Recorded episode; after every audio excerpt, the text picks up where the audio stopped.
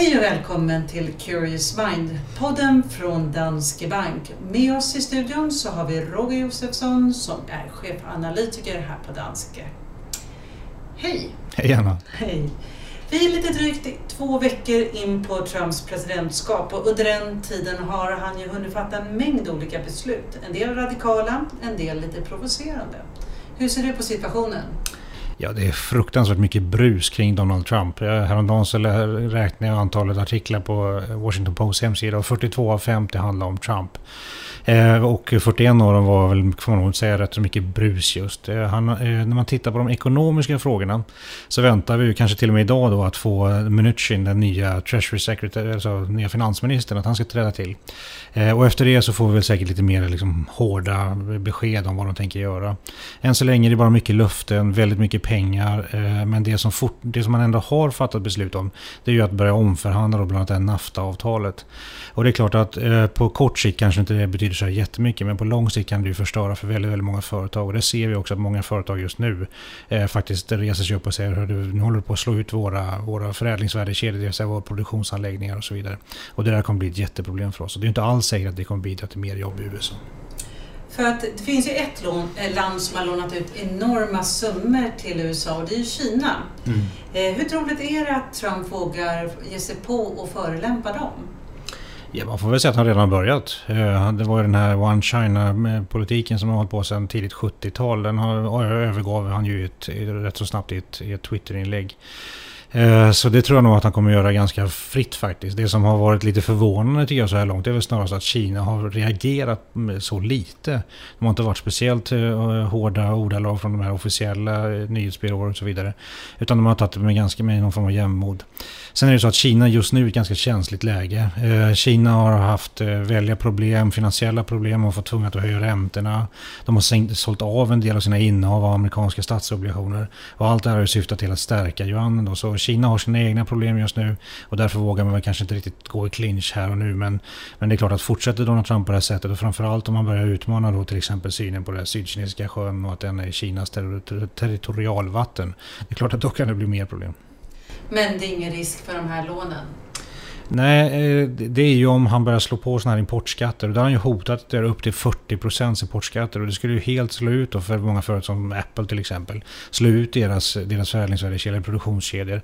Och det är klart att då, då kan det väl säkert bli fråga om, om, om vedergällning från Kina. Men det där är ju en sak som man ska vara jätteförsiktig med när man sitter i Europa. För det är klart att då är det massa kinesiska varor som ska slås om eller ändras om och kanske då börja exporteras till Europa istället med ännu mer prispress här och så vidare. Så det finns, det finns väldigt mycket risker, så mycket kan man säga. Eh, Trump vill sätta Amerika först, men vilka är USAs viktigaste handelspartners och hur utlandsberoende är USA egentligen? Kommer det här innebära någonting för dem? USA är ju traditionellt, alltså det, är det som vi brukar kalla en storsluten ekonomi. De har 15 procents importandel tror jag. Och ännu mindre, ännu lägre exportandel. Så det är klart att de är väldigt självförsörjande i mångt och mycket. Men det är klart att för mycket varor och framförallt mycket konsumentvaror så är de ju otroligt beroende av utlandet. Och då är det ju framförallt typ Mexiko och också Kina som de, som de importerar mycket ifrån. Så, så i vissa områden så är de definitivt väldigt beroende av det. Sen när man tittar på Eh, I vilken mån de handlar i övrigt så är det just de här andra NAFTA. Det är Mexiko då framförallt och sen så tillsammans med Kanada som är de stora handelspartnerna. Då. Och sen ligger Kina där också tillsammans med Tyskland och något land till. Då. Så det är klart att det finns väldigt mycket eh, ömsesidiga beroenden här helt enkelt. Och det är, de, det är det som är lite märkligt med Trump, att han verkar liksom inte riktigt fundera över hur fort man kan gå fram, även om man nu vill omförhandla. Man kanske inte ska göra det över en natt utan man kanske får ta det lite pö om pö. Men det, det verkar inte riktigt vara hans grej. Nej, han vill visa handlingskraft, inte mm. bara de första 100 dagarna utan kanske de första 14 dagarna. Det verkar så, ja. Eh, om vi tittar på de här företagen som Apple, Microsoft och liknande. Det är ju rätt ovanligt att företagsledare faktiskt ger sig in i det politiska. Mm. Eller är det inte det i USA?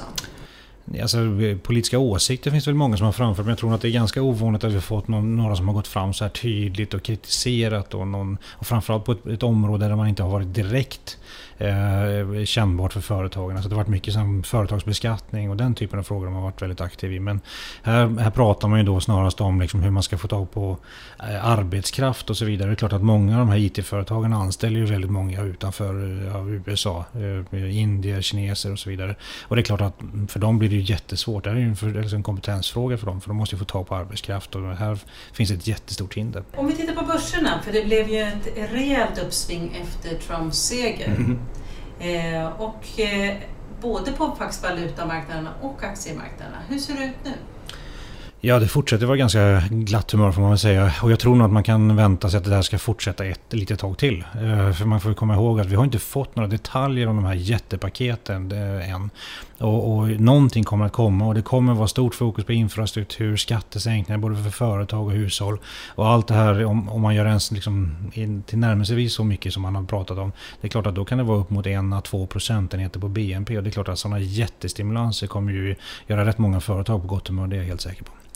Sen är ju frågan fortfarande hur slår det på lång sikt och där får vi återkomma. Men där ska man bara konstatera att på det här med räntor. Räntorna har ju stigit med en procentenhet sedan botten här i höstas. Och det är ju tecken på att man börjar bli liksom, tro att inflationen ska ta fart. Men det kan också vara tecken på att man är lite orolig för vad eh, Trumps ekonomiska politik vad den leder till för underskott och statsskuld och så vidare. För en stigande dollar kan ju få eh, verkningar på andra marknader som har stora utlandsskulder i mm. dollar. Mm. Hur ser du på det på de här emerging markets? Ja, det är en jättebra fråga. Vi, men vi hade ju den här 90, eh, Asienkrisen, då var ju den här frågan hyperaktuell. Och då var det många stater som hade lånat upp i dollar. Nu är det ju framförallt företagen och det är ju Kina ett jättebra exempel. Man har lånat rätt, rätt så mycket amerikanska dollar. Man hade ju jätteproblem under hela förra året att liksom bli av med sin dollarskuld. Nu ser det väl lite bättre ut men vi märker ju på de problem man har då i Kina att det fortsätter att vara ganska spänt. Det vill säga företagen lider av den här starka dollarn. Och om vi då rundar av i Sverige, hur påverkas svensk ekonomi, svenska bolag och den svenska börsen av situationen i USA? Eh, ja, det blir ganska indirekt. Men man kan konstatera det är klart att går det väldigt starkt i USA och så länge vi inte hinner få liksom några totala hinder för att handla med USA så tror jag det är mångt och mycket rätt bra. Sen har vi många företag, jag tror Skanska till exempel är ett bra exempel, som är ganska kraftigt exponerade mot just infrastruktursektorn i USA. Och det är klart, de mår ju jättebra det här. Men, men, eh, men, men det är den stora risken tycker jag någonstans med, med Donald Trump, i alla fall på lite sikt, är just det här med handelshinder. Här har han ju redan varit på Tyskland till exempel. Och då kan man säga, är Tyskland ett, ett bekymmer för Donald Trump, då borde ju Sverige vara med.